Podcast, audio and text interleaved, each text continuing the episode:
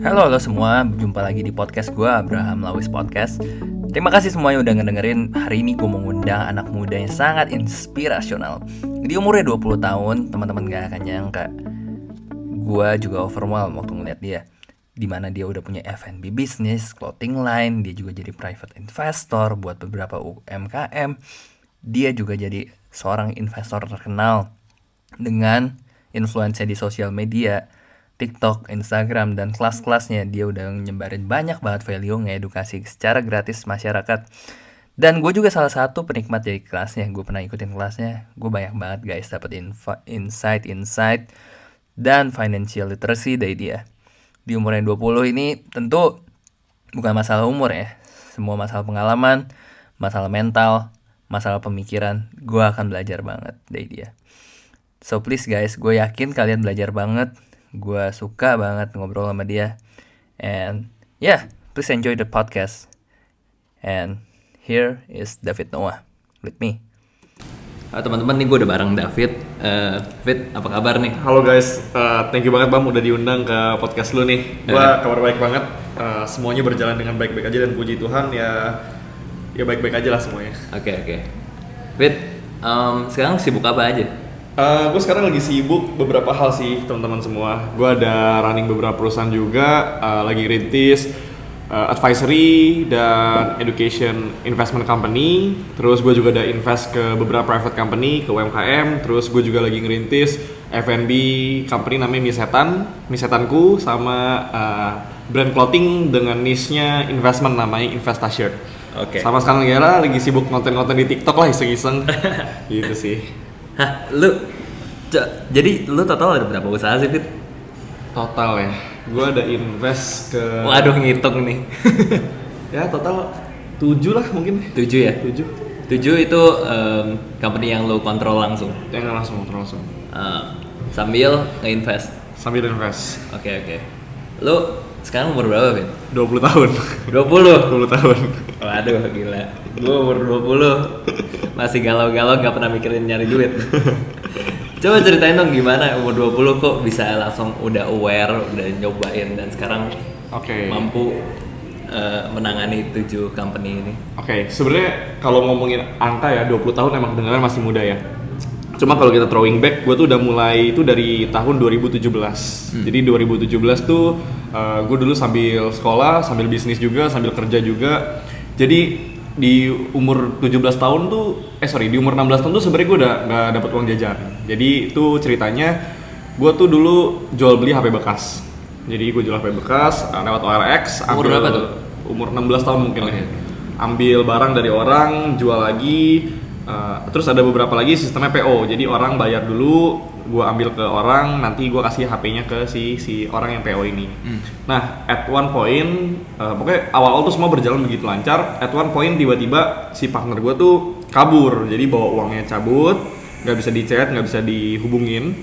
Dan itu kegagalan pertama gue dalam bisnis yang menurut gue sangat sakit ya, soalnya kayak anak umur 16 tahun udah pegang duit lumayan pada saat itu. Terus tiba-tiba hancur sampai-sampai uh, eh, gue udah gak punya duit sama sekali. Karena tabungan bisnis itu gue pakai buat nge-refund semua yang PO dulu. Hmm. buat nge-refund orang-orang yang beli HP oh.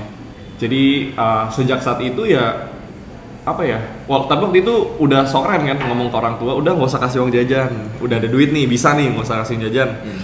ya tiba-tiba bangkrut gagal tapi egonya masih tinggi hmm. jadi ya mau nggak mau harus cari cara untuk survive kan hmm. harus cari cara untuk survive dan banyak macam yang dilakuin tuh mulai hmm. dari jualan snack di sekolah terus jualan casing HP hmm. uh, apa namanya PO baju dan hmm. lain sebagainya gitu loh jadi uh, emang terkesannya umur 20 tahun udah bisa ini bisa itu cuma kalau kita throwing back perjalanan itu sebenarnya udah cukup panjang. Oke okay, oke. Okay. kayak gitu sih. Lu itu kan lu ditipu kenapa lu bisa bilang lu gagal di bisnis itu? Uh, menurut gua hidup tuh perjalanan ya. Kalau gua nggak pernah ditipu pada saat itu mungkin gua nggak tahu eh sorry ketika gua nggak ditipu misalkan gua waktu itu kan kisar masih cuma belasan juta ya. Bisa jadi gua ditipunya di angka misalkan miliaran atau belasan miliar. Oh. jadi menurut gua pribadi uh, itu namanya kegagalan karena ya gue gue bisa kena tipu gitu loh. Oke okay, oke. Okay. Harusnya harusnya kalau gue punya ilmu yang cukup gue tuh bisa menghindari kena tipu itu Oke oke. cuma karena dulu masih muda masih naif masih nggak tahu apa-apa tentang bisnis tentang kehidupan dan lain-lain ya menurut gue itu pelajaran yang sangat berharga dan itu yang ngebuat gue jadi seperti sekarang sih Oke oke. Em, umur 16 tahun, ego udah bilang orang tua jangan kasih uang jajan. ya Terus pas lu bangkrut lu cerita nggak ke orang tua tuh? Gue cerita. Cuma jadi kondisinya tuh gue tuh eh, pas gue bangkrut tuh ya gue tuh telepon gue baru turun kereta ceritanya. Gue telepon di stasiun udah kayak wah gue udah gak, udah gak punya semangat hidup lah. Padahal gue kayak mikir-mikir anjir gue masih 16 tahun kok udah gak ada semangat hidup kayak gitu loh. Hmm. gue nelpon gue apa minta maaf gini gini gini. Cuma ya orang tua ya nggak apa-apa pelajaran.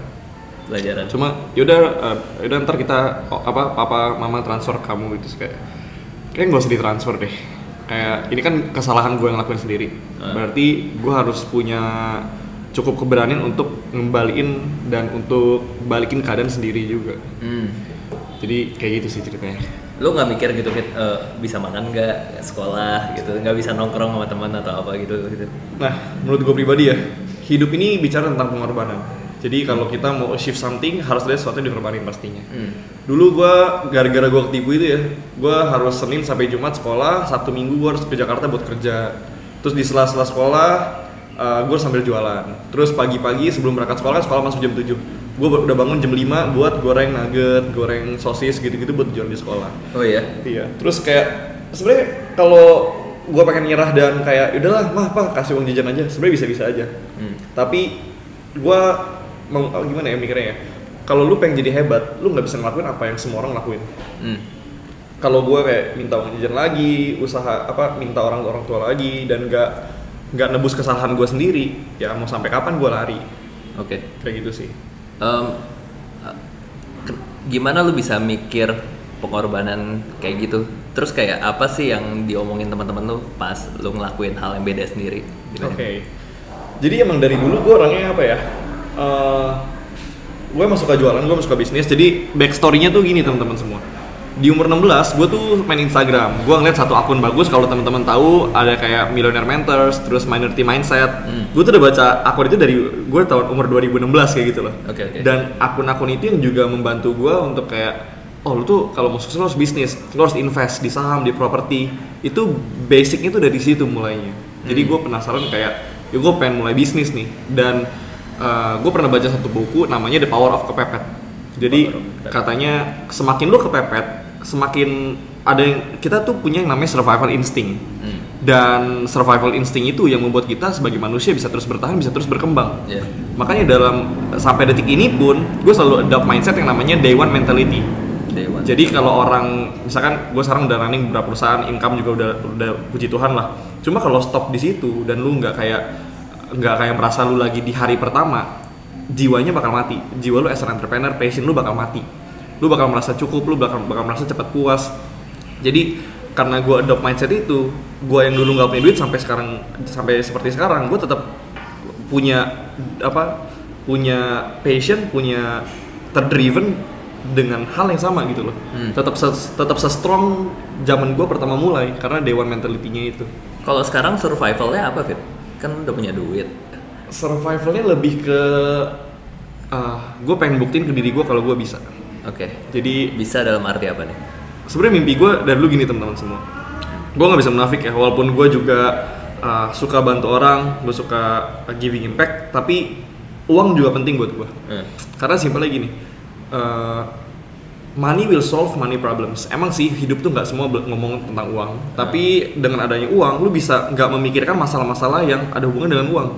Dan ketika lu nggak mikirin masalah yang tentang uang lu bisa solve problems yang lebih penting kayak gitu loh. Hmm. jadi kayak ibaratnya gini lu pengen bantu orang tapi lu nggak bisa bantu diri sendiri nggak mungkin.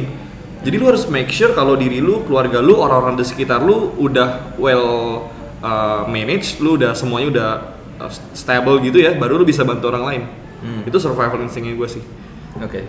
Eh, tadi balik ke pertanyaan gue yang kedua, apa sih kata teman-teman lu di umur 16 tahun Oh, lu iya. ngelakuin hal-hal yang lain?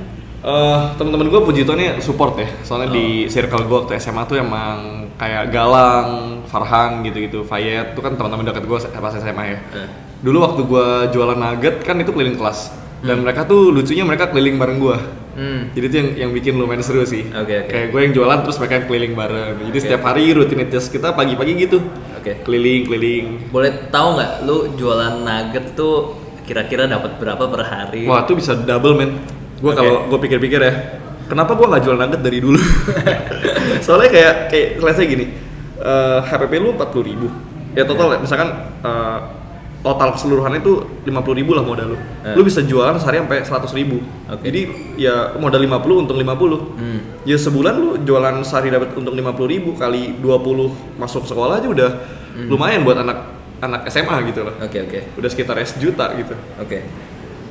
Itu kan mulai bisnis, ngumpulin modal segala macem. ya Lu eh, dari kapan kenal apa pasar modal?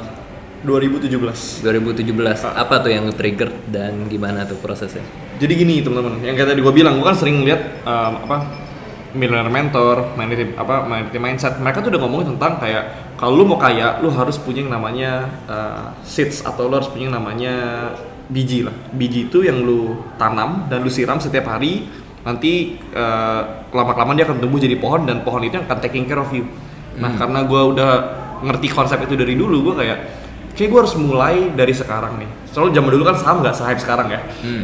Kayak dulu tuh nggak ada yang ngomongin saham gitu Iya. kayak cuma beberapa akun yang khusus aja Iya. ngomongin saham gue kayak penasaran dan gara-gara gue lihat akun luar ngomongin duluan Hmm. jadi zaman dulu tuh akun luar udah banyak yang ngomongin teman-teman akun Iya. Indo nggak ada hampir nggak ada lah istilahnya ya udah akhirnya gue uh, beli kelas saham udah pakai gue nabung tuh gue ada duit gue beli kelas saham gue mulai invest coba-coba tapi ya modalnya masih dikit soalnya kan gue sih berpikirnya kayak sekarang gue belajar mau kepake ataupun enggak atau misalkan kepake lima tahun lagi pun kan ini ilmunya bisa bertahan selamanya Hmm.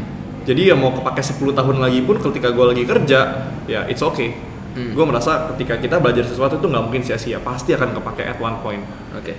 jadi mulai dari situ eh, per- apa perkenalan gue akan dunia pasar modal dan sampai hari ini Oke, tapi bicara soal akun-akun Instagram yang nge-impact lo untuk ngambil langkah pertama, Hmm.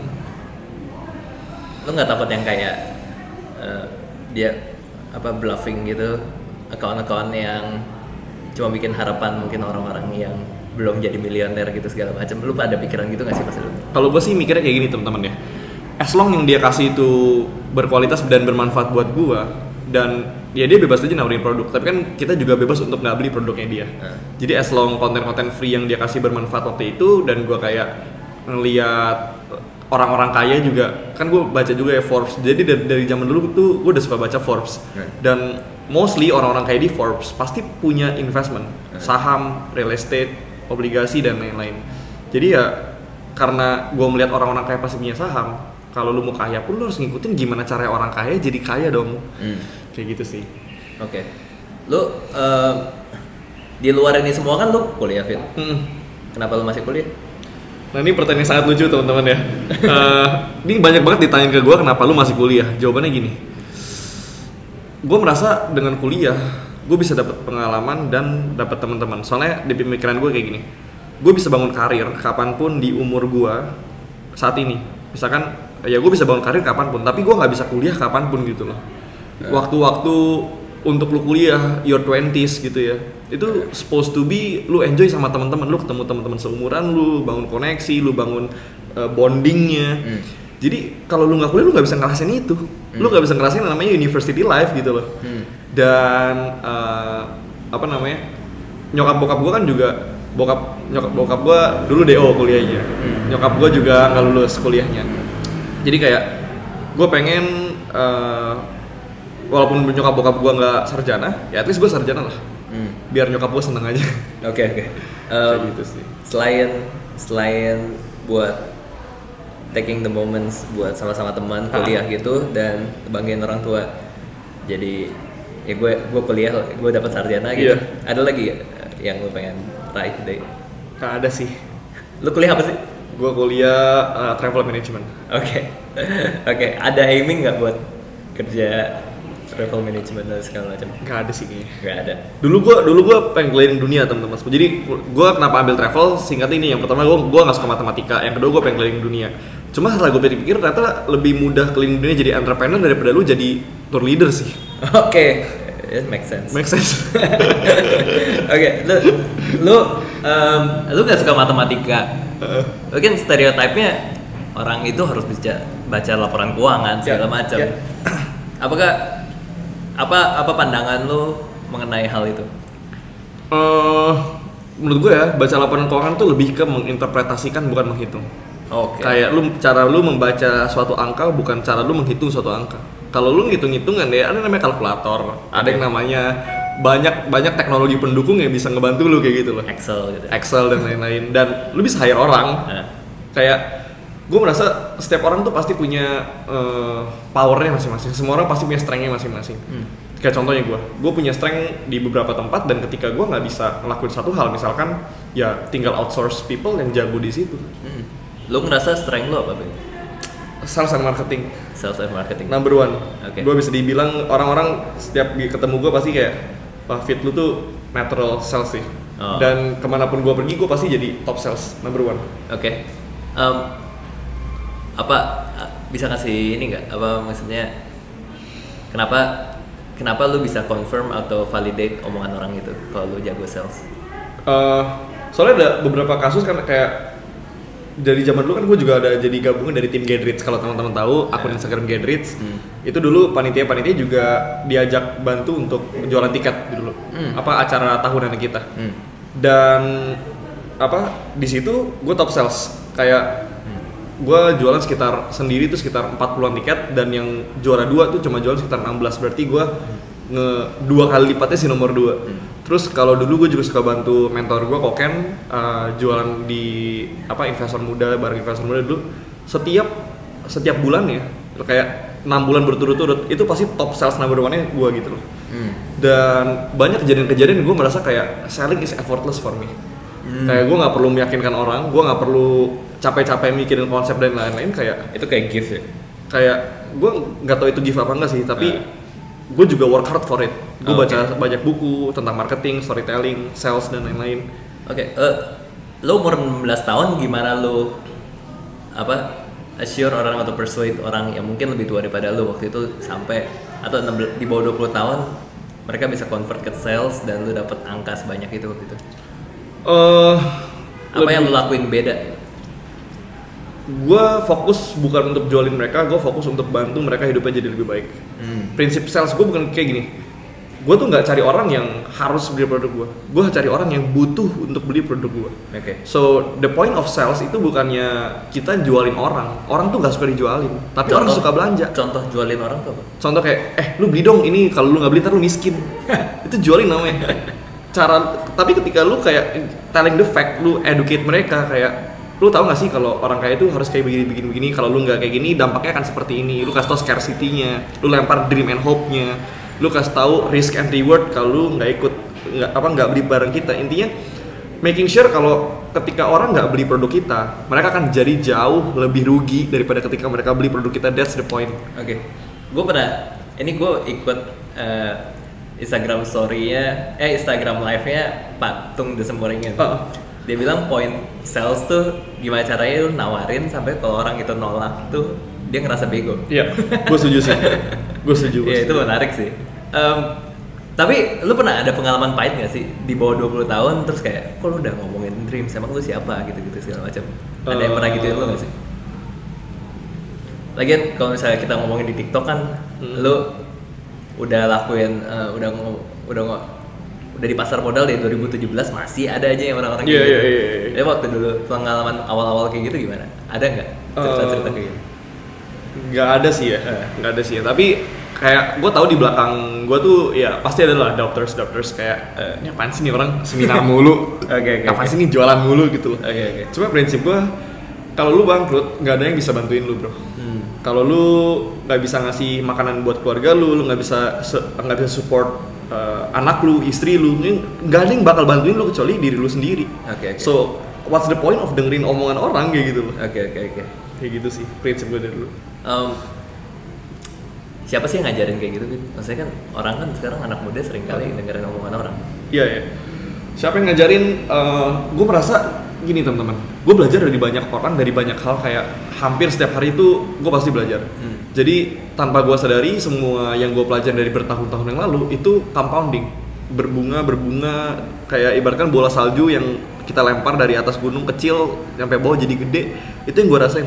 Jadi kalau dari siapa yang ngajarin gue juga nggak tahu.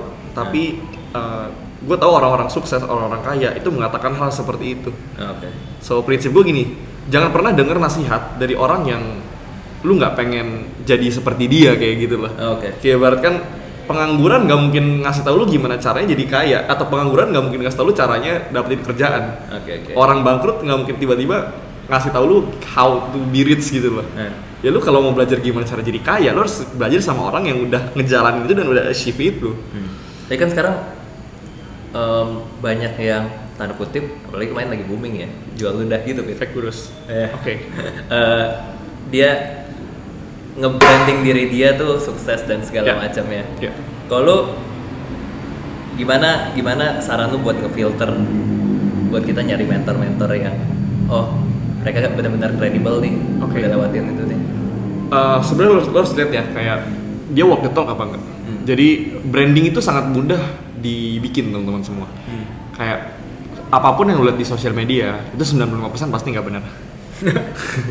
95%. 95% pasti nggak benar. Gimana tuh maksudnya? Sosial media itu sangat mudah untuk dipelintir. Contoh ya, Nah, lu bisa jalan-jalan ke luar negeri dengan pakai pay. Lu Oke. bisa foto depan Lamborghini, lu bisa sewa Lamborghini sehari. Oke. oke. lu mau kelihatan naik Mercy atau apa ya lu bisa misalkan lu ya lu tinggal kredit gitu kayak gue sekarang gue bisa kredit beli berapa eh, let's say gue beli BMW seri terbaru dengan cara kredit itu bisa aja sebenarnya Hmm. Cuma ya ketika lu lihat orang yang sebenarnya ilmunya tuh nggak bagus-bagus banget Hmm. cuma dia mamerin doang apa yang dia punya Hmm. untuk nge-guide hati lu Hmm. dan ya itu most of the time dia berusaha untuk menjualin lu doang Oh.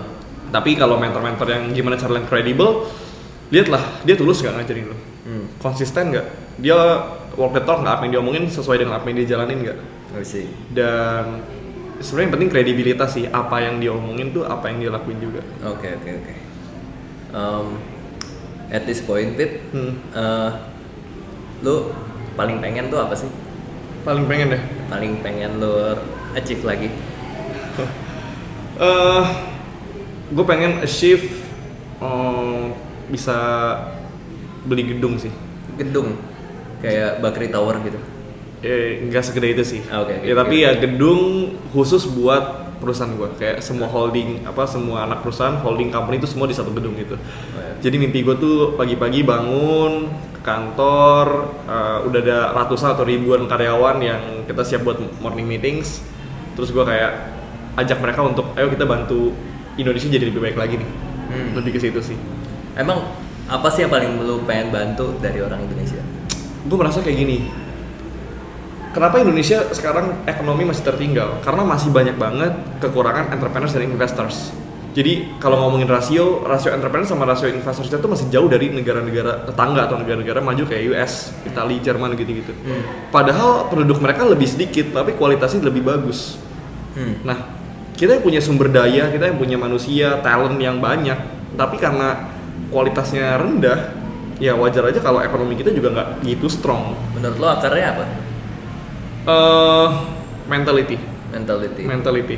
Number one pasti mentality. Hmm. Kayak gue merasa semakin gue dewasa, hidup tuh ngomongin tentang mindset dan mentality. Hmm. Nggak peduli lu sepinter apa, nggak peduli lu sebodoh apa, kalau mindset dan mental lu bagus, at the end bisa jadi.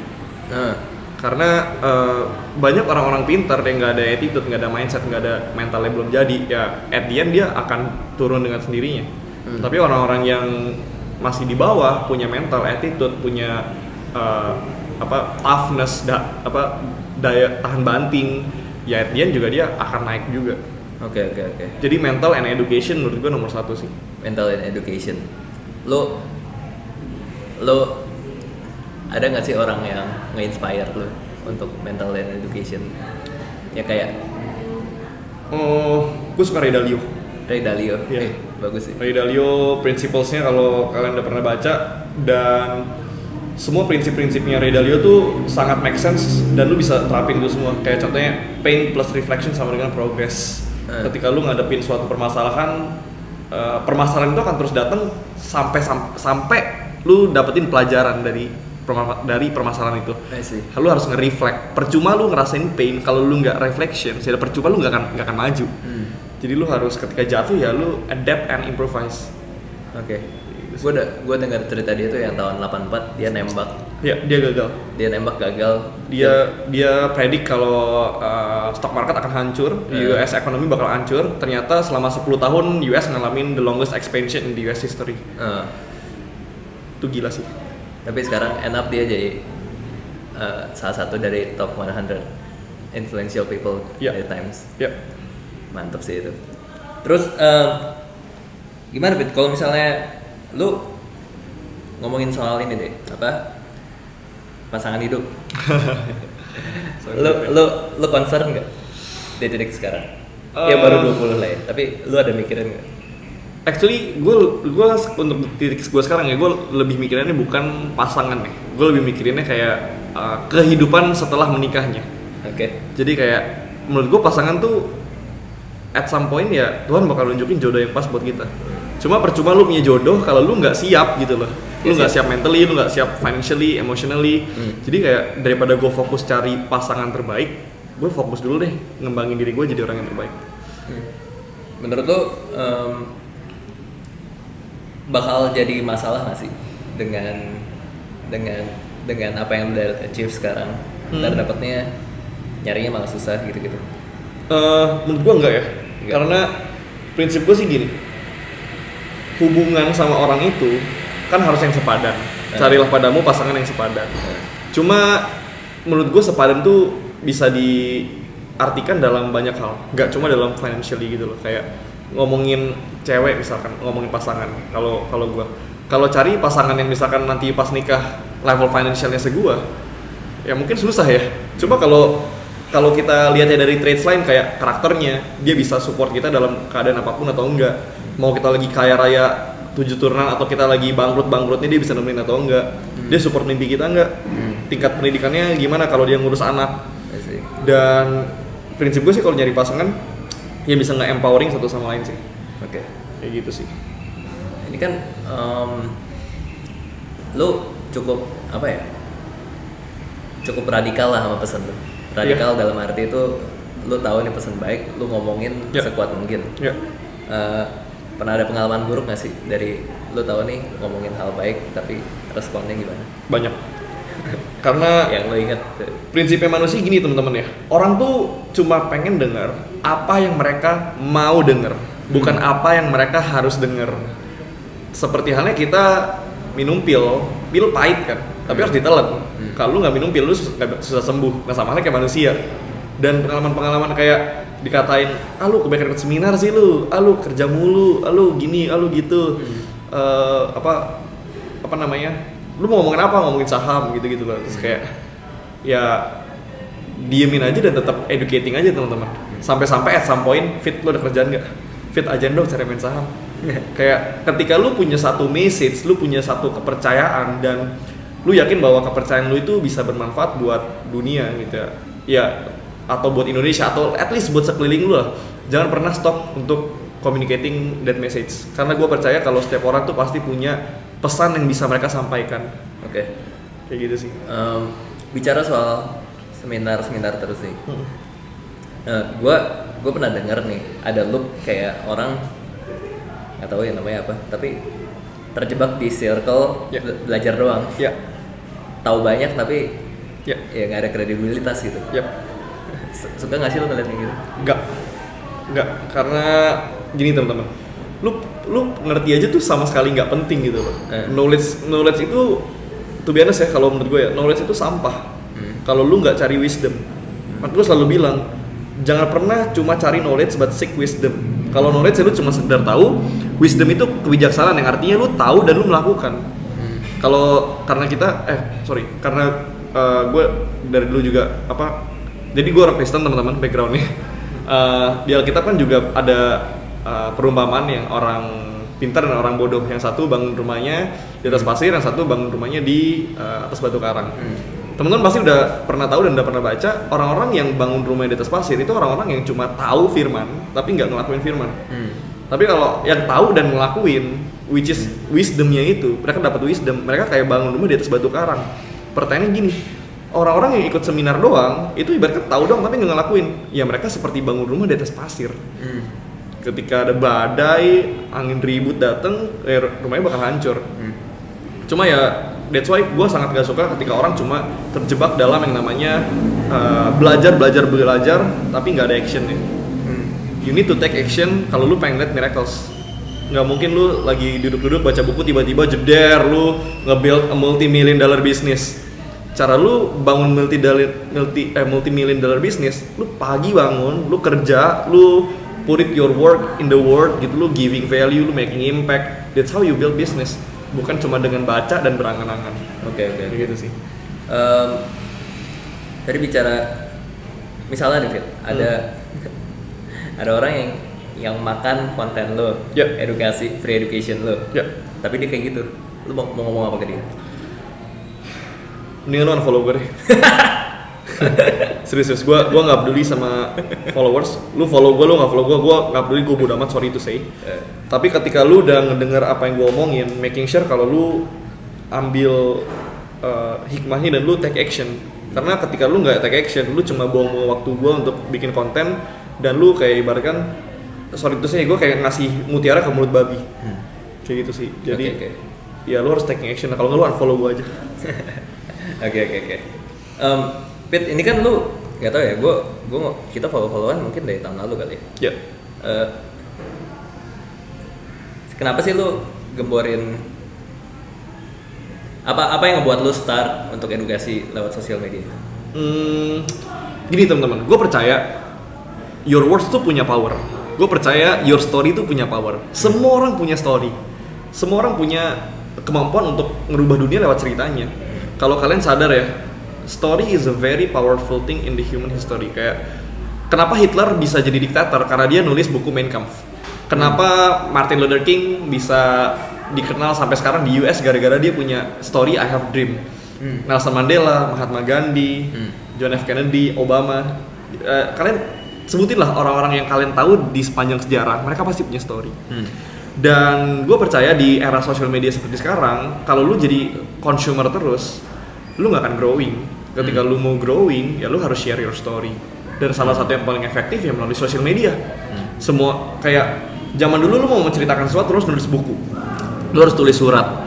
Lu harus mengelilingi dunia kayak Columbus misalkan. Hmm. Tapi di zaman sekarang, tulisan lu di Jakarta itu bisa sampai ke Papua. Hmm. Dan bisa jadi orang-orang di Papua tuh lagi butuh tulisan lu Hmm. dan kalau lu nggak share itu hidup mereka nggak jadi lebih baik lu nggak bantu mereka solve their problems jadi kayak ada yang nungguin konten lu gitu loh ada yang nungguin cerita lu gue selalu bilang kayak gini eh, apa namanya cerita lu itu bisa jadi survival book buat orang-orang yang baru memulai Hmm.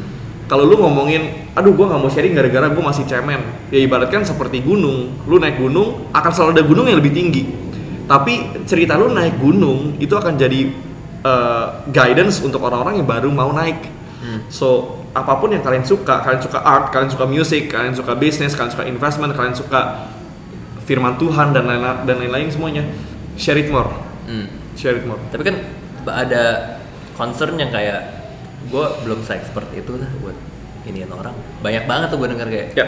gue siapa gue sih mau Ya. mau nge-share kayak gitu? Hmm. Gimana tuh kita?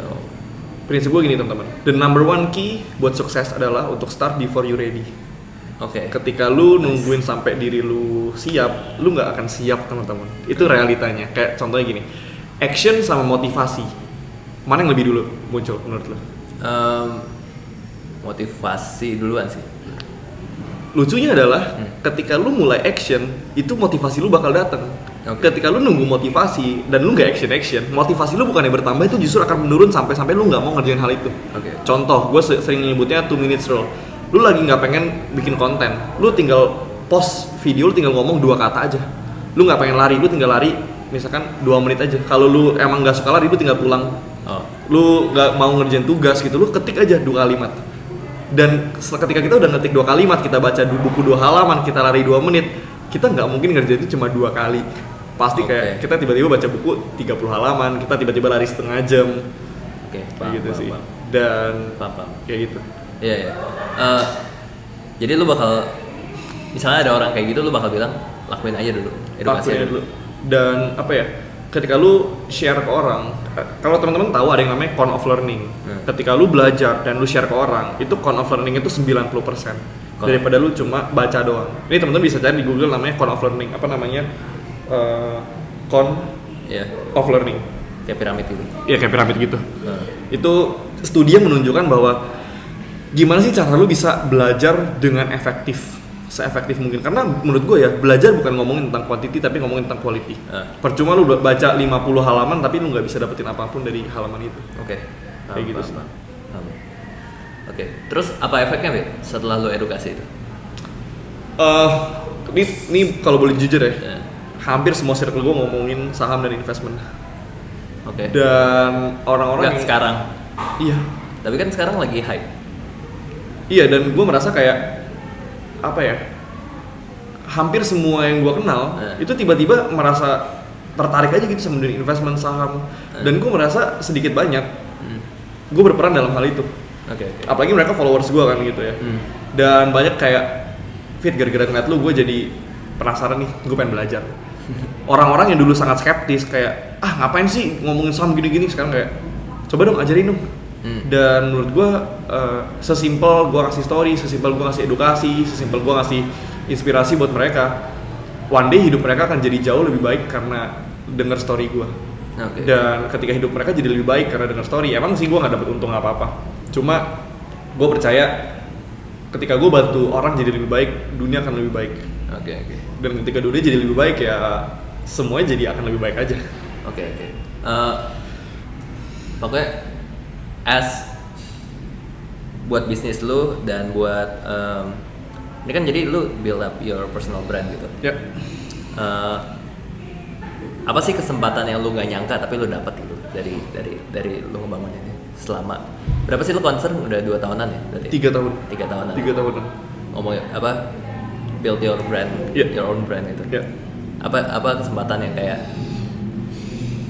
you unexpectedly get it gitu Oke, kesempatannya sih kayak tiba-tiba out of nowhere lu yang anak kuliahan tiba-tiba diundang jadi pembicara, tiba-tiba diundang jadi dosen tamu kayak sebenarnya tuh gak ada hubungan nih, kayak apa ya?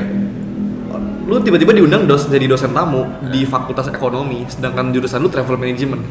oke Terus tiba-tiba lu ngom- diundang sama beberapa kampus-kampus terkenal kayak UGM dan lain-lain gitu untuk ngomongin investment. Padahal mereka punya orang-orang yang kredibel juga mungkin di sana ya. Padahal mungkin mereka dosennya ngerti baca-baca gitu juga ya? Bisa juga kayak Ah. gitu. Cuma ya eh dan sekarang kayak orang-orang tuh udah kalau ngomongin saham pasti ngerti David. Hmm. kalau ngomongin David oh investment bisnis. Jadi kayak hampir semua orang ketika mereka punya masalah pasti datangnya ke gua. Nah. Kayak dan walaupun nggak semuanya gue monetize nah, tapi gue percaya kalau ketika semua orang butuh advice tentang investment tentang bisnis ya mereka tahu harus cari siapa. Oke oke. Itu the power of personal branding sih. Oke oke. Oke oke. Paham paham. Em, apa? Ini gue lihat nih lu nggak capek-capek nih. Hmm. apa yang buat lu nggak stop gitu?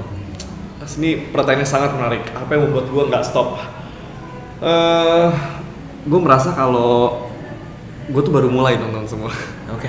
Jadi setiap hari gue bangun pagi tuh gue bener merasa kayak gue bener baru mulai Hmm. dan gue selalu bilang sorry itu saya motivation is bullshit. Hmm. Karena ketika lu punya vision, lu punya dreams, your vision yang akan menarik lu untuk ngelakuin hal-hal itu. Hmm. Dan kalau orang lihat gue working hard, sebenarnya enggak teman-teman.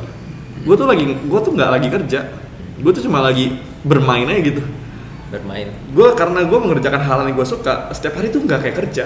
nah, Ya walaupun I make a good a good amount of money dari kerjaan gue ya, Hmm. cuma gue nggak pernah merasakan itu sebagai pekerjaan. nah. Gue bahkan kayak gue kayak lagi kayak ibaratkan teman-teman suka hobinya main game Mobile Legend, Dota. Hmm. Hobi gue build bisnis, hobi gue kok berkompetisi di bisnis. Hmm. Hobi gue kayak apa impacting people itu hobi gue kayak susah dijelasin sih. Oh, oke oke oke Tapi itu yang ngebuat gue setiap pagi kalau teman-teman tahu ya, gue tuh biasa tidur jam 1 jam 2. Gara-gara kan sambil misalkan sambil kuliah atau sambil ngurus bisnis dan sekarang apalagi ada konten TikTok juga bangun jam 7 pagi dan kalau lu nggak punya visi akan hal itu lu nggak akan bertahan lama Hmm. motivasi itu always come and go Oke. Ya disiplin. disiplin itu jauh lebih penting Lu lu udah ngerasa lu disiplin? nggak? eh gue lagi merasa beberapa bulan terakhir disiplin gue lagi di tingkat tertinggi Oke. Karena ternyata yang gue find out kayak gini teman-teman. Kita tuh merasa capek bukan karena kita ngelakuin banyak hal. Hmm. kita merasa capek karena kita terlalu melakukan sedikit hal yang membuat kita merasa hidup. Kita merasa capek karena kita terlalu sedikit, melakukan hal, hal yang membuat kita merasa hidup. Oke, menarik. kayak hal-hal yang nge-spark your fire dalam diri lu kayak hal-hal yang nge-spark your soul gitu loh. Karena lu terlalu sedikit ngelakuin hal itu lu jadi kelihatan capek. Asik. contoh lu nonton Netflix seharian capek nggak capek gue lebih seneng the, the amount of apa kecapean yang gue rasakan ketika gue bikin konten gue meeting gue ketemu orang lalu gue planning executing my my plan di bisnis dibandingkan gue nonton Netflix gue main game seharian jauh lebih capek gue nonton Netflix dan main game Asik. Kayak Kayak- menarik belajar dari mana? Nggak tahu itu pengalaman pribadi sih itu Asik. Itu itu pengalaman pribadi sih I get it. jadi eh, justru kalau gue ngelakuin hal ini gue capek. Gue jadi nggak merasa punya tujuan hidup. Oke. yang membuat gue bisa terus lari dalam hidup karena gue punya tujuan hidup. Hmm. dan ketika gue nggak kayak gini. Kalau setiap hari eh, kalau teman-teman tahu ini background gue ya. Gue sangat suka sama Steve Jobs. Oke. Steve Jobs tuh pernah bilang kayak gini. Setiap hari Steve Jobs tuh selalu lihat ke kaca. Dia akan nanya kalau hari ini hari terakhir gue hidup apakah gue pengen hidup seperti gue yang sekarang dan kalau jawabannya enggak untuk berhari-hari untuk berminggu-minggu ya you must to know that you need to change something in your life Hmm. dan gue pernah ada di momen itu di mana berhari-hari gue memutuskan kayak gue tuh nggak pengen hidup kayak gini Apa tuh? Emang lu ngeliat lu ngapain aja? kayak pasti setiap dari kita kayak pernah tiba-tiba nggak ada semangat buat kerja Hmm. kerjanya nonton Netflix main game Hmm. seharian di kamar bukan cuma sehari dua hari ya kayak cuma bisa seminggu dua minggu Eh. itu kayak itu anxiety depression stress itu justru builds up dari masa-masa kayak gitu bukan dari masa-masa lu produktif lu ngerjain apa yang lu suka lu tahu kalau kehadiran tuh penting gitu buat masyarakat Hmm. kayak gitu sih I see. Um, jadi apa yang sparks your joy selain bisnis? eh I know kalau gue jadi orang yang bermanfaat. Eh. Ini emang kedengerannya klise teman-teman ya, cuma eh perasaan ketika orang ngomong say thank you ke lu, perasaan ketika fit gara-gara gue liat konten lu, gue jadi lebih pintar, hidup gue jadi lebih berubah. Fit gue bisa ngelakuin ini gara-gara gue liat lu, lu liat konten lu. Gue kayak itu eh, feelings yang lu nggak bisa lu express kayak gitu loh. Dan itu yang bener-bener lu rasain dan setelah lu ngerasain itu lu gak akan mau berhenti. Lu ngerasa tanggung jawabnya sangat worth it untuk diperjuangkan? Betul. Dan gue merasa kalau gini teman-teman, hidup tuh bukan cuma ngomongin tentang gue. Hidup bukan cuma ngomongin tentang David. Hidup tuh ngomongin tentang banyak hal di luar David. Ngomongin tentang keluarga lu, ngomongin tentang teman-teman, sahabat, ngomongin tentang orang yang lu kenal dan orang yang ngelihat lu sebagai panutan mereka kayak gitu loh. Oke. Dan hidup ini kan kesempatan deh. Dan hidup harus jadi berkat sih. Oke, paham, paham, paham. Paham, paham. Em, lu kalau misalnya ada yang lu mau omongin nih ke orang-orang yang denger yang mungkin eh, ngerasa gue belum tahu nih apa yang sparks sparks me joy gitu-gitu. Lu bakal bilang apa? eh kalau lu belum nemuin hal itu, Hmm. keep looking, don't settle. Gua nih kutip kata-kata Steve Jobs. Hmm. Eh, lu nggak bisa connect the dots looking forward, you have to connect the dots looking backwards. Oke. Jadi kalau lu eh, hidup di masa lalu, hidup lu akan jadi penuh penyesalan. Kalau hidup di masa depan, hidup lu akan jadi penuh kegelisahan. Hmm. So karena lu nggak tahu masa depan akan jadi seperti apa, Hmm. the only time that matters itu the present, kenyataannya hari ini gitu. Hmm. Jadi daripada lu pusingin tentang masa depan, lu tinggal ngelaku- ngelakuin apa yang lu suka, apa yang membuat lu lupa makan, apa yang ngebuat lu bisa tiba-tiba bangun pagi dan lu lakuin itu tiap hari gitu loh. Oke. Dan ketika kayak lu akan tahu saatnya, lu nemuin kayak wah ini sesuatu yang sangat penting buat gua. Wah ternyata ketika gua ngelakuin ini gua merasa hidup.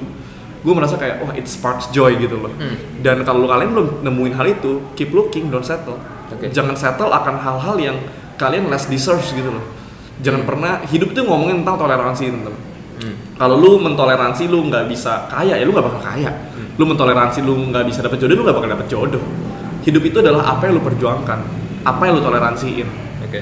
kayak gitu sih Oke, eh, tadi gue pernah ngomongin hal yang sama, kira-kira kurang berlebih mirip lah Mm. di TikTok terus ada ada yang komen kayak gini, Em, Iya apa yang intinya intinya omongannya sih apa yang ngebuat gue bahagia itu tidur oke dan ya konteksnya sih dia bilang bermalas-malasan. oke Kalau lu kalau lu mandang gimana gitu? Eh, itu pelarian dia Pelarian. ya dia gini teman-teman Eh, kita harus lihat sesuatu yang tersirat bukan yang tersurat apa yang orang omongin orang tuh sangat mudah memelintir omongannya Oke. lu tapi ketika lu kenal orang itu secara jelas gitu ya lu pasti akan lihat tingkah lakunya apakah dia bener suka tidur dan bermalas-malasan ataukah dia sedang menjustifikasi bahwa dia nggak punya yang ngedrive dia dalam kehidupan sehingga dia bilang ya udah passion gue bermalas-malasan aja Kalau kayak gitu gimana? Eh, balik lagi ya nggak semua orang tuh mau sukses Hmm. nggak semua orang pun harus sukses that's why kalau ngomongin percentage yang sukses tuh cuma satu persen gitu loh Hmm. So pertanyaannya adalah lu pengen jadi yang satu persen atau lu pengen jadi part of 99% itu Hmm. dan apa ya sebenarnya balik lagi ke orang ketika kita educate edu- educate ke orang ya balik lagi dia mau denger apa enggak dia mau lakuin apa enggak Hmm. kalau misalkan dia nggak mau denger dia nggak mau ngelakuin kalau prinsip gue sih ya yang bisa ngerubah hidup lu ya lu yang bisa nyelamati hidup lu cuma lu Hmm. nggak ada orang yang bertanggung jawab akan hidup lu dan kalau lu pikir dunia berhutang kepada lu nggak dunia nggak berhutang apa apa sama lu Oke, oke, paham, paham, paham. Em, lu apa sih yang ngebuat apa sih titik pertama atau gimana ya gue ngomongnya? Apa sih yang ngebuat lu eh, kayak tanda kutip nih haus dan percaya diri itu loh di Oke. titik awal? eh Apakah lu pernah kayak krisis gitu yang mungkin pasti pernah ya teman-teman ya Eh, haus dan percaya diri sebenarnya gue merasa gue masih muda Hmm. gue masih punya sangat banyak waktu untuk eh, figure it out what I need to do what I have to do in life gue selalu percaya sama prinsip lu bisa reinventing yourself anytime at some point at your life. Kayak lu bisa selalu nge-reinvent lu selalu bisa menemukan ulang diri lu tuh siapa. Lu hari ini misalkan eh, contoh ya lu hari ini kerja di bank misalkan.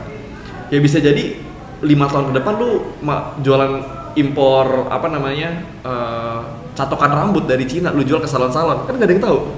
Dan the power of reinventing yourself menurut gue tuh sangat penting buat anak muda tahu apa tuh powernya? Jadi kayak maksudnya dia Kayak- memilih untuk nyoba explore diri apa gimana? Ya, eh, nggak semua orang cukup beruntung sampai mereka bisa nemuin life purpose-nya dalam at such, at such young age. Kayak dalam usia yang masih muda mereka tuh udah bisa nemuin life purpose-nya. Dan to be honest ya, hampir seluruh orang di dunia ini itu nggak tahu mereka ngapain. Gue selalu selalu suka kata-kata, lu tau nggak sih dunia ini dibangun, dunia ini berkembang, dunia ini maju, peradaban maju. Itu didorong oleh orang-orang yang bahkan nggak tahu dia tuh ngela- lagi ngelakuin apa sekarang. Kalau lu lihat bisnismen-bisnismen hebat yang lu lihat ya, lu merasa dia tahu segala akan tentang kehidupan. Enggak, teman-teman semua. Semua entrepreneur tuh nggak tahu apa-apa tentang kehidupan.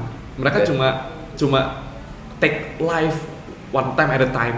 Hmm. Kayak satu langkah setiap hari dilakuin setiap hari. Gak, lu nggak butuh tahu segalanya hari ini, tapi kalau lu diem di tempat ya lu nggak akan tahu selamanya. Hmm. Kayak contohnya eh, lu nggak pernah ke Amerika misalkan, ya lu nggak bakal tahu apa seperti apa Amerika kalau lu cuma diem di Indonesia. Tapi kalau lu cari cara gimana cara lu bisa sampai ke Amerika, ya one day lu akan tahu Amerika seperti apa. Hmm. Jadi intinya ya keep moving forward aja. Hmm. Dan gue sangat suka lagi quotes kayak it's a good day to know kalau setiap orang di dunia ini itu nggak tahu apa-apa akan hidupnya. It's a very good day to know.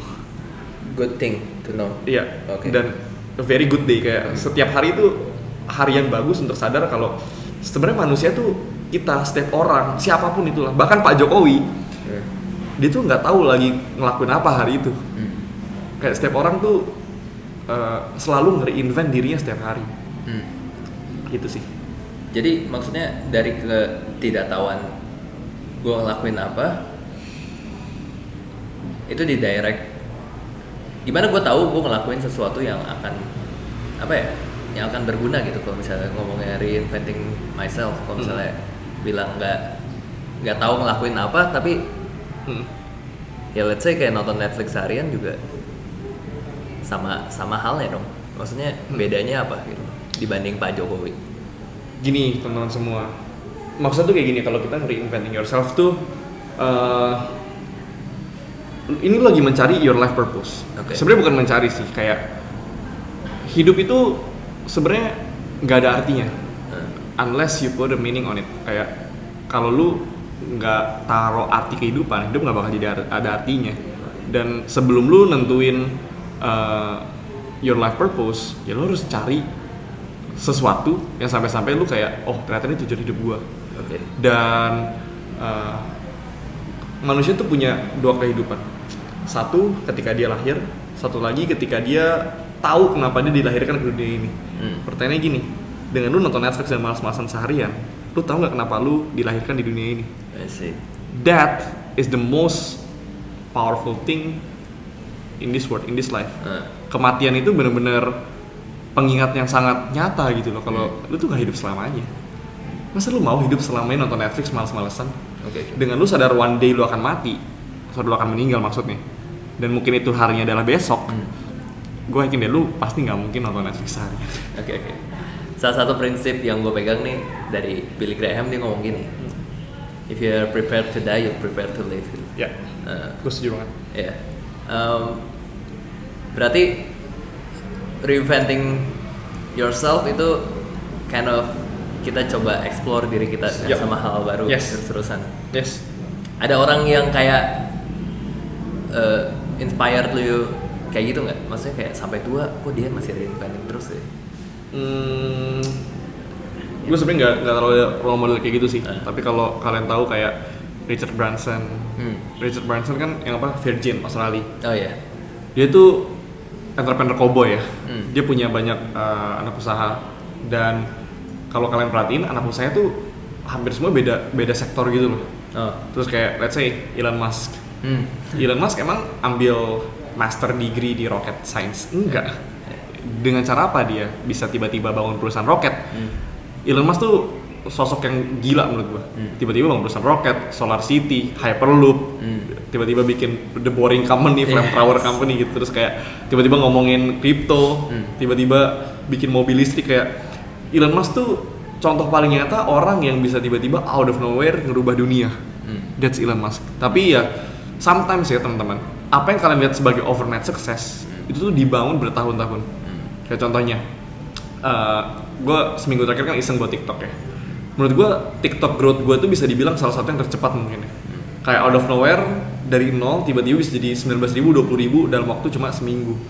Ya kalau orang lihat, wah lu keren ya bisa seminggu gini-gini. Cuma ya gue bisa bisa secepat itu karena gue udah ngalamin bertahun-tahun akan eksperimen kegagalan Hmm. sehingga gue bisa share my story dan ternyata itu bermanfaat dan relatable buat masyarakat. Hmm. Jadi jangan pernah lu incer jadi overnight sukses, Hmm. tapi incer jadi eh, orang yang terus bertumbuh setiap harinya. Karena growth itu teman-teman itu nggak kelihatan. Hmm. Sama halnya kayak kalau teman-teman tahu pohon bambu selama tiga tahun pohon bambu tuh cuma bertumbuh sebesar 30 cm. Tapi di tahun ketiga setelah dia udah udah nyampe yang namanya tipping tipping point yang gue sebut tipping point tuh eh, titik pembalikan titik yang membuat lu bisa loncat secara eksponensial, nggak stagnan. Pohon bambu tuh di setelah dia lewat tiga tahun dia cuma butuh sekitar tiga minggu untuk tumbuh 5 meter.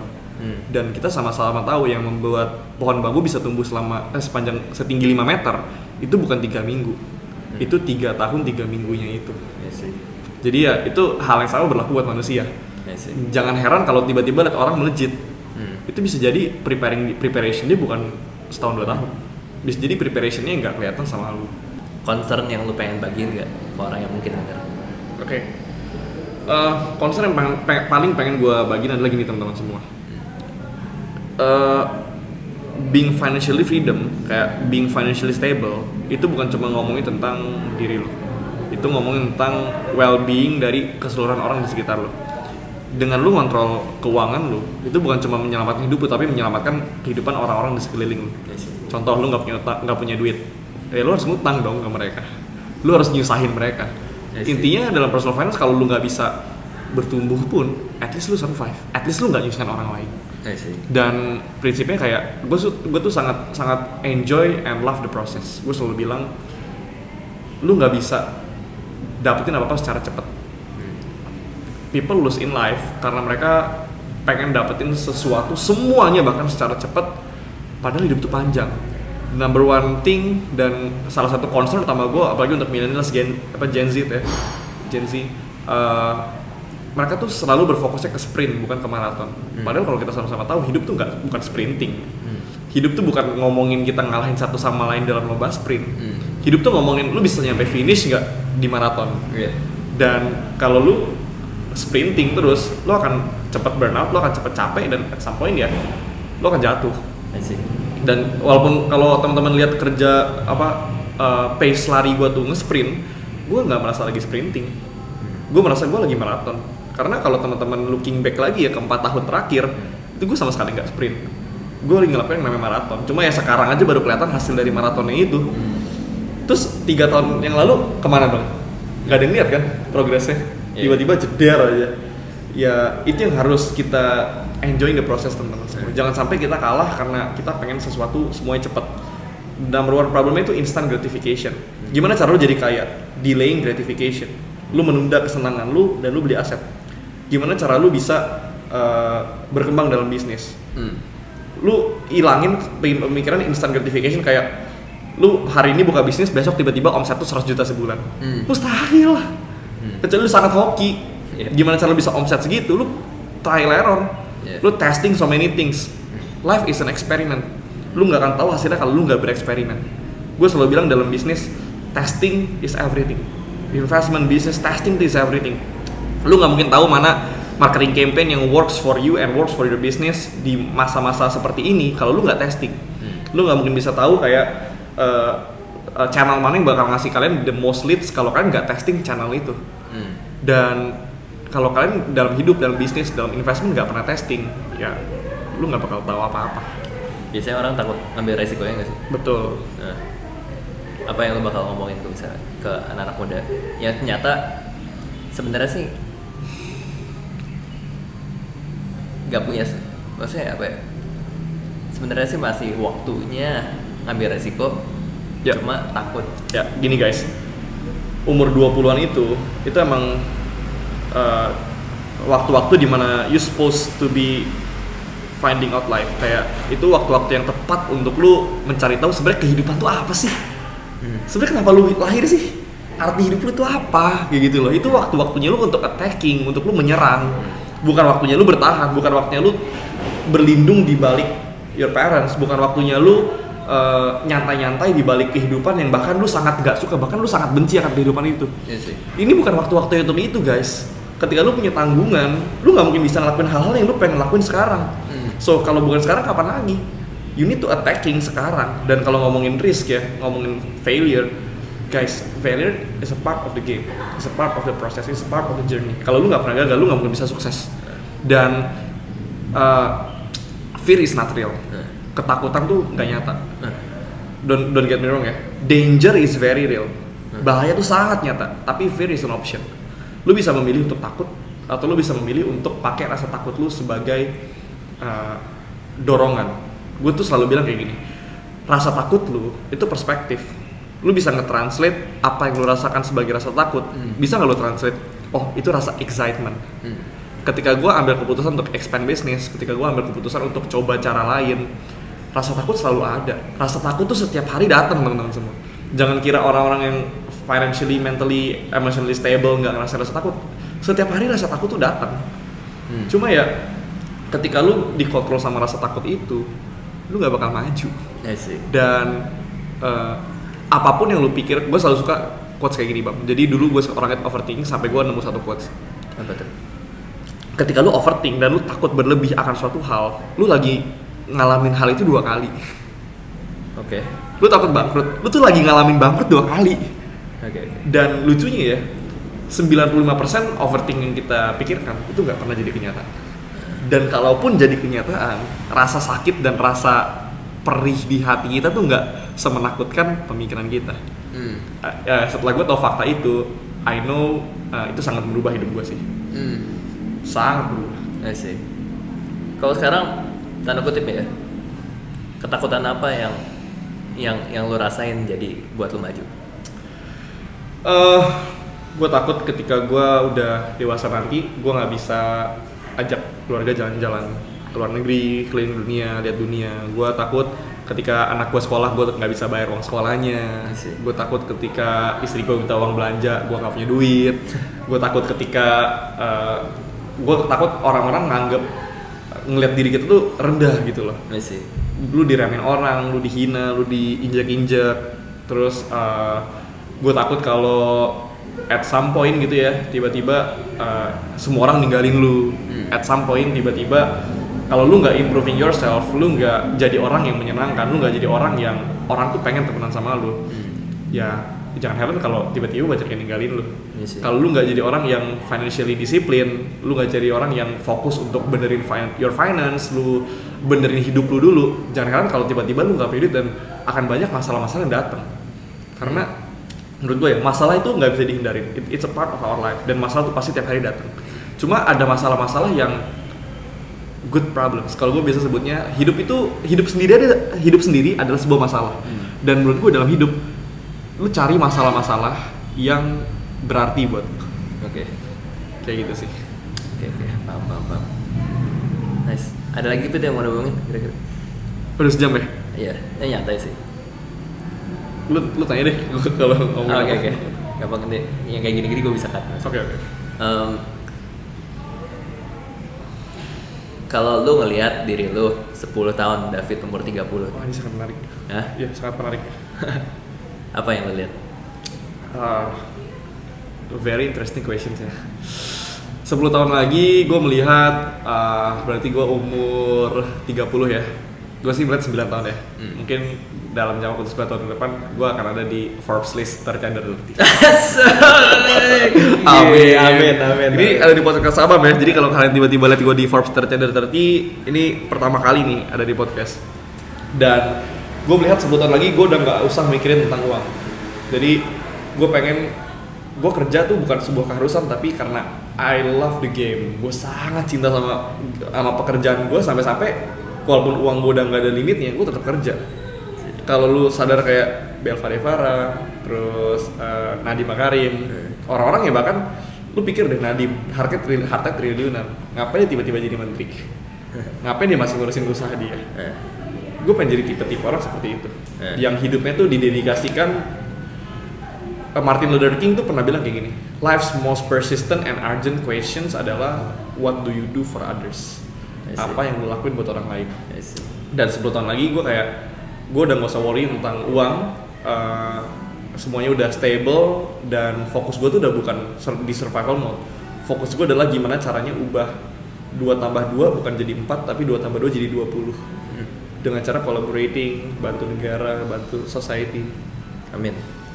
Fit, ini kan ada pemahaman nih di mana kalau lu aim high jangan cerita ke orang-orang Hmm. tapi lu berani ngomong di ini Hmm. dan lu bahkan bilang ini direkam ya di podcast ya Ya. Abam kenapa lu kayak gitu guys gue tuh kalau kalian kenal gue cukup lama kalian pasti tahu gue orang yang lumayan suka omongan tinggi di masa-masa gue baru bangkrut gue bilang tenang aja sebelum gue umur 20 income gue akan nyampe 30 juta kok.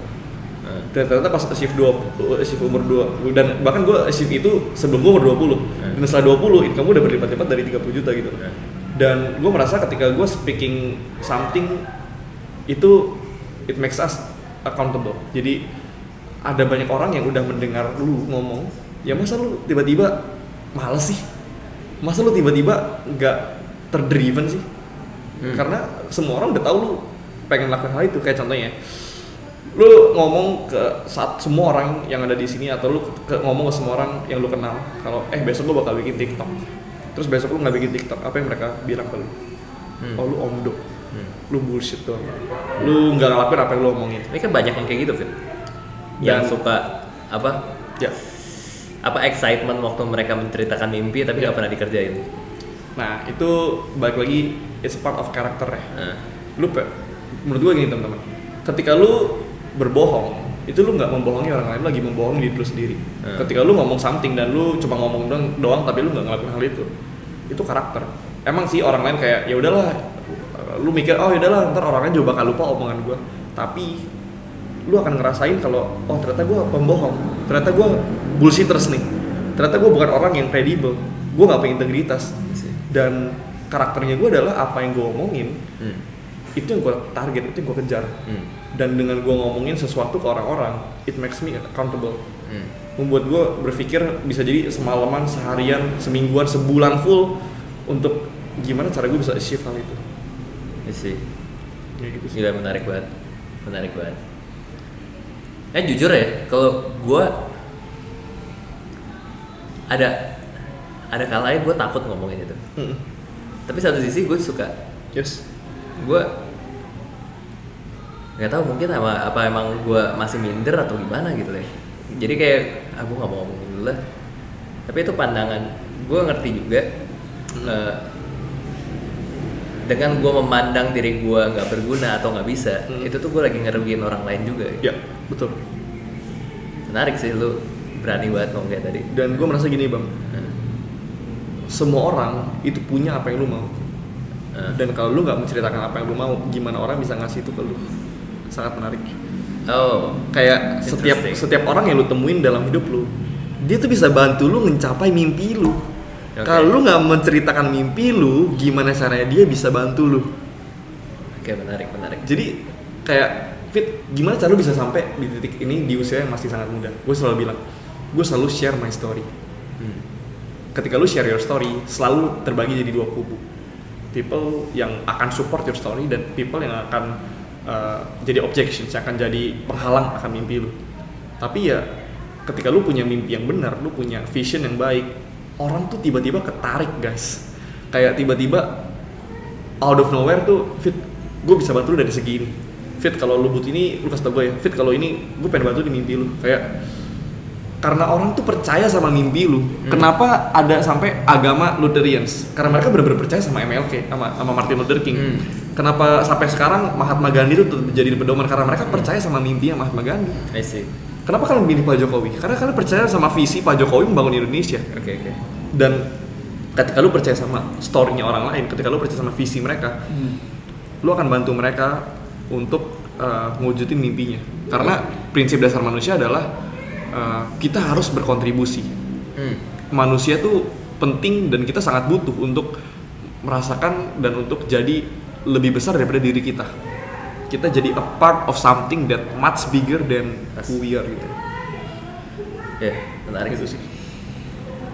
Satu yang ngedoktrin gue, oke Hmm. menarik gue. Gue seneng nih nge- nge-challenge sesuatu yang Yes, yes. ketanam di alam bawah sadar gue. Yes, Karena yes. ada ada pernah yang khotbah kayak gini bu. Ini kan konteksnya khotbah dan gue masih muda mungkin gue nggak cukup kritis gitu ya Hmm. ngeliatnya dengernya. Oh lu khotbah gini, ngomong gini. Salah satu kes, ini kan karena kita Kristen guys. Yeah. Jadi kalau konteksnya di Alkitab tuh ada Yusuf menceritakan mimpinya ke saudara-saudara ya. Yeah. End up mana end up very bad for him. Ya. Itu kayak jadi jangan ceritain mimpi ke orang-orang. Dia ngomong gitu terus kayak hmm dulu gue sering tuh ngomongin kayak gitu. Ya. Terus kayak gue berusaha menahan. Eh, Pandangan lo gimana? Eh, ini beda konteks ya. Jadi Oke, menurut oke. gua tuh itu pendeta ya atau apa? Aduh pendeta. Sorry itu saya Pak Pendeta.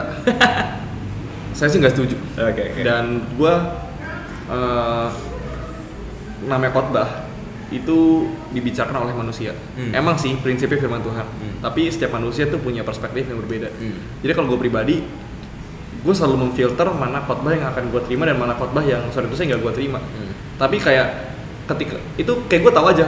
Kayak contoh Pak Joni Harjawan eh, JPCC Marketplace Hmm. pernah bilang blind spot itu apa manusia tuh kena masalah karena mereka nggak tahu blind spot. Blind spot itu adalah sesuatu yang kita pikir kita sangat tahu, padahal kita nggak tahu. Itu blind spot, itu titik butanya kita. Oke. Dan most of the problems yang kita rasakan itu muncul dari blind spotnya kita.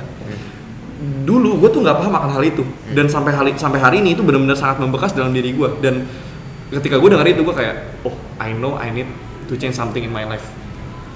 Dan itu itu yang menurut gue salah satu contoh khotbah yang bisa merubah hidup lo cuma ada juga khotbah yang kayak kayak ini nggak bener deh. Dari pengalaman gue ini nggak work sih. Eh, makanya gue selalu bilang kehidupan tuh bukan one size fits all guys. Eh. caranya orang tuh bisa jadi bukan cara lu. Iya. dan ya itu pentingnya self awareness you do you. You need Iya. to find something that works for you. Kalau ada pe- pendeta ngomong ini dia tuh tetap manusia guys. Hmm. lu harus doa ulang. Lu nggak bisa dengerin apa kata manusia secara mentah-mentah. Sorry ya para pendeta. Tapi ya at the end lu harus konfirmasi dengan cara lu doa ulang. Iya, iya. kayak gitu sih. Setuju sih. Itu itu gue pas lo ngomong tadi itu kayak ketanam di alam bawah sadar gue kayak, nah, gue berpikir kayaknya ada satu prinsip yang bentrok yang gue harus Iya. kaji ulang. yep. Apa sih blind spot lo waktu itu? gue merasa gue tau segalanya Oke. itu ini ya ego ya apa wah ini ini sangat lucu sih teman-teman Arogan. Eh, gini fast success builds ego slow success builds karakter. Oke. gue dulu merasa kayak wah sukses nih gue umur 19, gue punya perusahaan, gue lihat orang-orang sebagai ini, ini, ini. Kayak wah gue jauh lebih maju daripada teman-teman seumuran gue lah. Ego. Gue merasa tahu segalanya, gue merasa ini paling pintar, gue merasa gue gak butuh belajar, gue merasa semua orang tuh jauh lebih bodoh daripada gue itu blind spot yang memberikan banyak masalah dalam hidup. Dan at some point gue kayak oh ternyata kita harus ya, nganut ilmu padi. Semakin berisi semakin merunduk. Semakin lu berisi justru lu semakin gak tahu apa-apa. Dan the moment I know kalau gue tuh sebenarnya nggak tahu apa-apa. Di bisnis gue nggak tahu apa-apa. Di saham gue nggak ngerti. Gue di investment di semua hal gue nggak ngerti apa-apa. Itu yang ngebuat lu terus belajar. Dan mati apa hidup itu bukan ngomongin tentang lu bangun pagi nonton Netflix lu bangun pagi makan enggak. Mati atau hidup ngomongin tentang lu belajar hal baru dan lu bertumbuh gak sih gak ada yang namanya di tengah-tengah. You either grow you either die. Nah, lu antara lu bertumbuh atau lu sengsara lu mati gitu loh. Jadi lu nggak bisa milih di tengah. Yaudah gue tengah-tengah aja nggak bisa. Lu harus pilih salah satu. Dan di kondisi gue waktu itu itu gue lagi dying bukan dying secara physically ya tapi spiritually uh, mentally emotionally. Itu gue bener-bener lagi dying banget. Ya dengan terus cara recover dengan cara apa? Dengan cara lu nggak tahu apa-apa. Semakin pinter lu lu harusnya jadi semakin nggak tahu apa-apa kayak gitu loh Hmm. paradoks sih paradoks Menarik, menarik. Gimana dengan Oke, ini last question mungkin ya. Hmm. Em, ada orang-orang yang eh, mungkin belum dapat tipping pointnya nih ya dan still struggling, ya still doing marathon tapi eh, ini kapan waktunya gue? Ya. Lu bakal ngomong apa ke dia? Just keep to trust your own process. Setiap orang tuh punya waktunya masing-masing. Eh, kenapa gini loh? Tujuan hidup gue sama tujuan hidup abang pasti berbeda guys. Abang mungkin mau perginya ke Dubai, gue mau perginya ke Filipina. Kalau lu lihat abang, eh kalau misalkan lu lihat gue sampai duluan karena gue mau sampai ke Filipina dan abang belum sampai ke Dubai, itu nggak apple to apple. Karena tujuan aja udah beda. Hmm. Kalau lu ngelihat orang lain lebih sukses dari lu, tiba-tiba eh, mereka jadi punya lebih banyak daripada lu gitu ya, itu sebenarnya nggak ada pengaruhnya sama hidup lu. Kesuksesan orang lain itu nggak ngambil sepeser pun dari dompet lu. Kebahagiaan orang lain itu sama sekali nggak ngurangin gelas dan air kebahagiaan lu. Jadi kalau lu belum nemuin apa yang lu mau, apa yang lu pengen kerjain seumur hidup lu, lu belum nemuin apa yang membuat lu hidup, fokus aja untuk untuk ngejalanin hal itu. Kayak simpelnya winners focus on winning, losers focus on winners.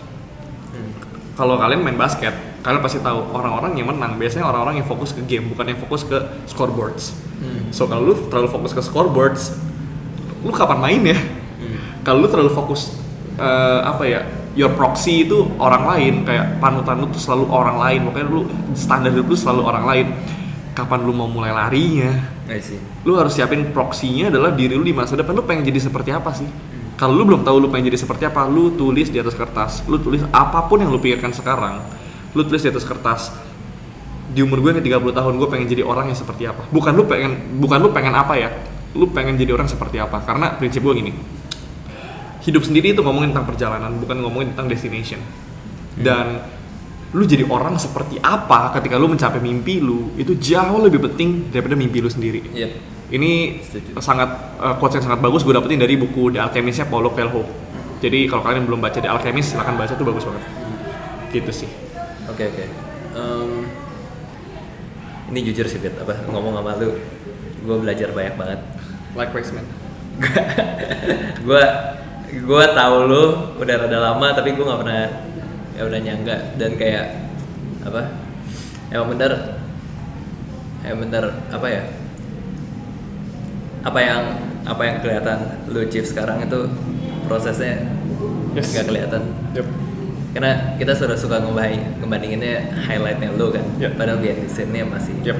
banyak banget itu nyambung juga tuh jangan pernah ngebandingin behind the scene hidup lu sama highlightnya orang lain Iya betul betul betul. Eh, ya tadi kan lu bilang 10 tahun ke depan eh, dengan mimpi lu yang tadi. Terus kalau ditanya nulis buku tadi nih, David tuh mau jadi apa sih? Jadi apa? Ini sangat menarik guys ya. Gue tuh gue sangat kebayang 10 tahun lagi ya. Eh, gue selalu gue tetap jadi diri gue yang sekarang at scale di level yang jauh berbeda. Kayak gue tetap jadi David yang seperti sekarang. Kayak eh, David yang gue temuin 10 tahun lagi tuh dengan karakter yang seperti sekarang. Cuma gue jadi jauh lebih pengertian, gue jadi jauh lebih sabar, gue jadi jauh lebih berpengalaman dan gue ambil keputusan jauh lebih baik. Gue jadi lebih eh, ramah ke orang, gue jadi lebih suka membantu, gue jadi lebih suka eh, gue jadi lebih suka belajar banyak hal setiap hari dan gue yakin banget ya 30 tahun lagi kalian ketemu gue eh sorry 10 tahun lagi kalian ketemu gue gue akan ngomongin hal yang sama kalau gue nggak tahu apa-apa. Dan eh, gue pengen selalu jadi orang yang ngasih value dan orang tuh bisa look up to me gitu loh. Sih. ya walaupun walaupun hidup gue nggak sempurna tapi justru ya setiap orang tuh hidupnya nggak ada yang sempurna dan orang-orang yang bisa menerima bahwa hidupnya nggak sempurna orang-orang yang menerima bahwa yang bisa menerima bahwa dia tuh terus harus ber- bertumbuh berkembang kalau nggak ada yang namanya end goalnya kayak setiap hari itu perjalanan yang harus lo nikmatin Oke. itu orang-orang yang menurut gue bisa merubah dunia dan bisa jadi dampak yang gede banget buat dunia ini Sih. gitu sih Harus percaya diri ya. yep selalu Oke, thank you Lovit buat thank you thank you waktunya. thank you banget guys Thank you banget. Gue ngomong terakhir-terakhir tapi berkelanjutan. Sumpah, ini gue ngerasanya omongannya ambisius tapi gue ngerasa adem di sini. Yeah. thank you guys thank you thank you thank you Eh, atmosfer yang jarang gue dapetin. Ya, ya. Thank you Lovit. thank you guys thank you Thank banget you teman-teman yang udah benar dengar, udah dengar. Um, see you next episode. Bye. thank you thank you bye bye Thank you guys, thank you buat waktunya, thank you udah dengerin podcast ini. Gue ngerasa belajar banyak banget dari David. Dan semoga kalian juga ya. I hope see you guys in the next episode. Dan gue berharap kalian belajar dan memetik sesuatu. Um, I'll see you next time and yeah,